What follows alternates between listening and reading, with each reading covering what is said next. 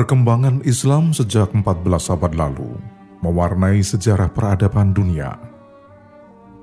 Bahkan pesatnya perkembangan itu, baik di barat maupun timur pada abad ke-8 sampai 13 Masehi, mampu menguasai berbagai peradaban yang ada sebelumnya.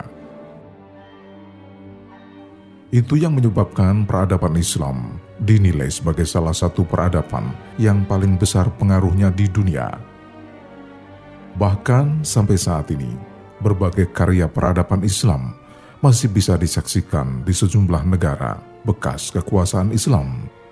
Misalnya di Baghdad, Irak, Andalusia, Spanyol, Fatimiyah di Mesir, Utsmani di Turki, Damaskus, dan Kufah.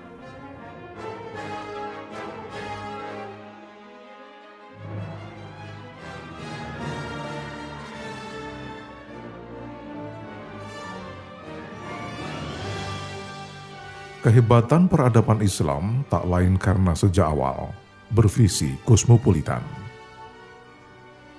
Peradaban Islam tidak mengenal negara kecil dan terpecah-pecah, tapi sebaliknya, Islam menyatukan umat manusia dari beragam latar belakang ras, bangsa, wilayah, geografis, keturunan, dan beragam bahasa tanpa menghilangkan jati diri dan identitas masing-masing.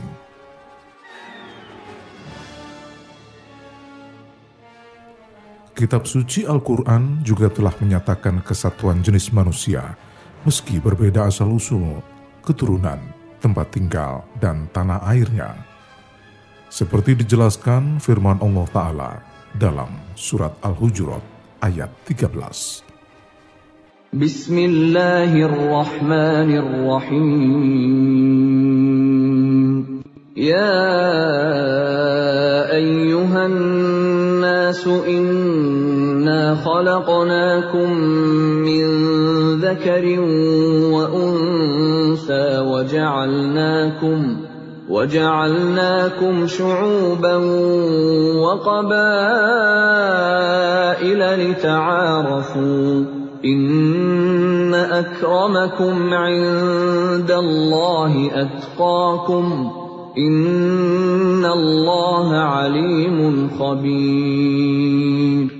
Dengan nama Allah yang Maha Pengasih, Maha Penyayang. Wahai manusia, sungguh kami telah menciptakan kamu dari seorang laki-laki dan seorang perempuan. Kemudian kami jadikan kamu berbangsa-bangsa dan bersuku-suku, agar kamu saling mengenal. Sungguh, yang paling mulia di antara kamu di sisi Allah ialah orang yang paling bertakwa. Sungguh, Allah Maha Mengetahui, Maha Teliti.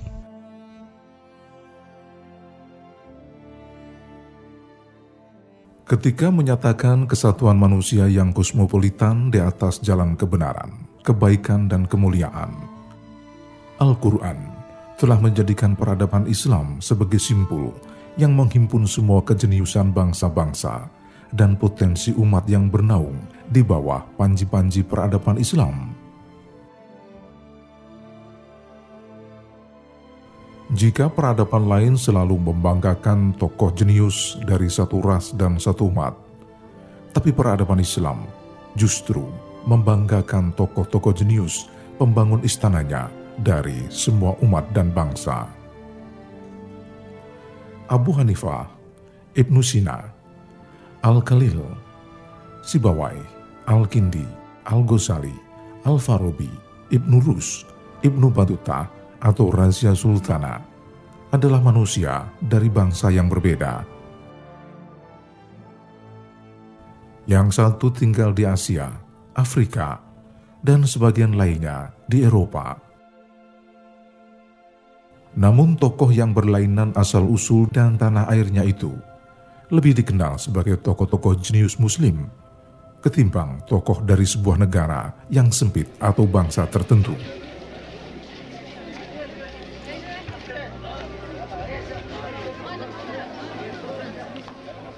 Para ilmuwan muslim umumnya bukan berkebangsaan Arab, mereka bukan berasal dari keturunan penduduk gurun pasir tanah Jazirah Arabia, Mereka adalah warga sebuah negeri yang sangat jauh dari Mekah atau Madinah. Namun peradaban Islam telah menjadikan mereka hidup dalam sebuah negara kosmopolitan, yakni Khilafah Islamiyah. Melalui para ilmuwan muslim yang berasal dari berbagai bangsa itulah, peradaban Islam mempersembahkan produk pemikiran yang paling mengagumkan dalam sejarah dunia.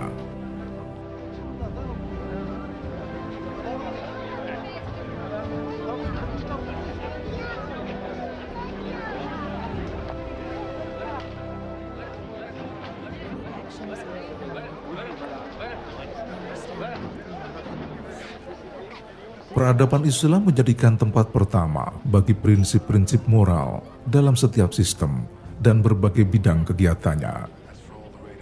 Bahkan moral menjadi ciri khas peradaban Islam. Islam tidak mengenal penjajahan dan eksploitasi kekayaan suatu negeri, apalagi menghina atau mendolimi kaum perempuan. Bagi penyebar Islam di berbagai negeri, Islam justru menjadi guru dalam bidang moral bagi setiap bangsa.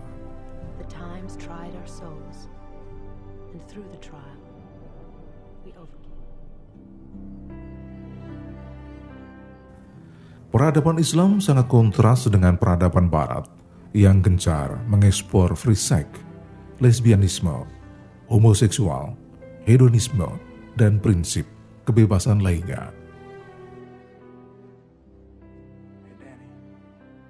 Presiden Amerika Serikat pernah mengumumkan lebih dari satu juta dari sekitar 6 juta pemuda Amerika yang harus mengikuti wajib militer tidak layak menjadi tentara karena mengidap penyakit kelamin. Sementara itu, 30 sampai 40 ribu anak setiap tahun meninggal dunia karena menjadi korban penyakit kotor orang tuanya.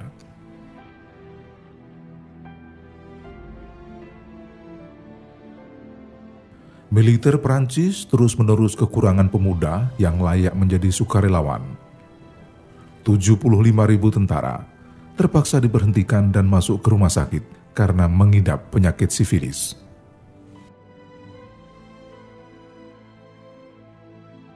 Peradaban Barat telah melahirkan anak-anak yang tidak pernah tahu siapa ayahnya, karena mereka lahir dari rahim wanita-wanita yang terbiasa berzina dengan sejumlah laki-laki.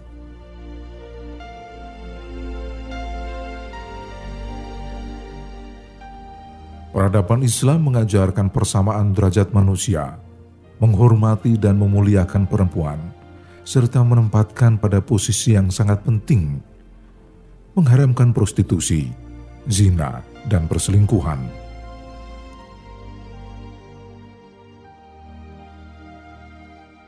Tujuan peradaban sejatinya untuk mendekatkan manusia pada puncak kebahagiaan dan peradaban Islam telah membuktikannya.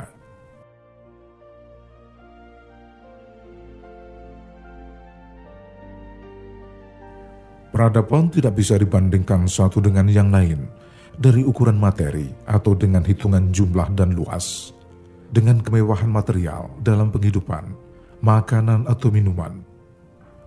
Tapi peradaban harus dibandingkan menurut pengaruh-pengaruh yang ditinggalkannya dalam sejarah kemanusiaan.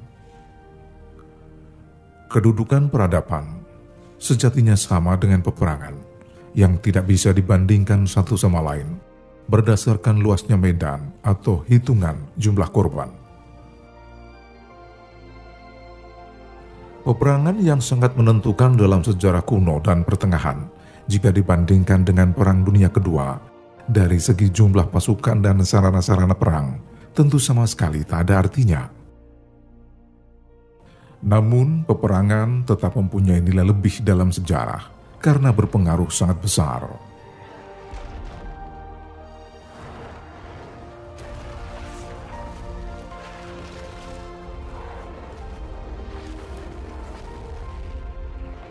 Dalam perang kali, Panglima Kartagi yang tersohor, Hannibal, berhasil menghancurkan pasukan Romawi.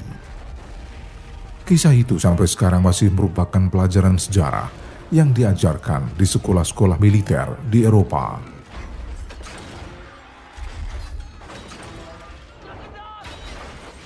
Pertempuran Khalid bin Walid dalam penaklukan Irak dan Syria masih menjadi objek kajian dan kekaguman militer-militer barat, sekaligus merupakan lembaran-lembaran emas dalam sejarah peradaban Islam. Berlalunya Perang Kani, Badar, Perang Qadisiyah, Siffin, atau Perang Hitin tidak mengubah pandangan pertempuran itu adalah perang yang menentukan sejarah dunia.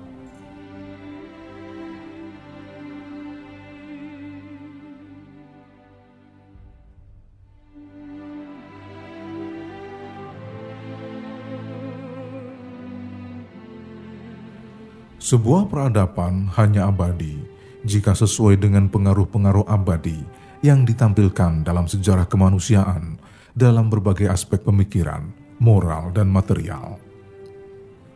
Peradaban Islam telah memainkan peran penting dalam sejarah kemajuan manusia dan meninggalkan jejak dalam bentuk akidah, ilmu, hukum, filsafat, sastra, kesenian, dan lain-lain. Sejumlah fakta, karakteristik, dan keistimewaan menjadikan peradaban Islam sebagai objek kekagungan dunia, bahkan menjadi pusat perhatian orang-orang merdeka dan para cendekia dari setiap ras dan agama. Sayangnya, ada sebagian pihak yang tetap mencemooh dan meremehkan keberadaan para ilmuwan Muslim dan sejarah peradaban Islam. Umat Islam dinilai juga terlalu mengagungkan, bahkan hanya terbuai oleh sejarah kehebatan Islam di masa lalu. Umat Islam juga banyak yang terpengaruh oleh pendapat-pendapat seperti itu, hingga akhirnya mereka lupa tentang peradabannya sendiri. Mereka bahkan ikut mencela peradaban Islam yang selama beberapa abad telah menundukkan dunia. Namun kini, peradaban Islam kebesaran dengan segala keistimewaannya telah terdengar di telinga mereka.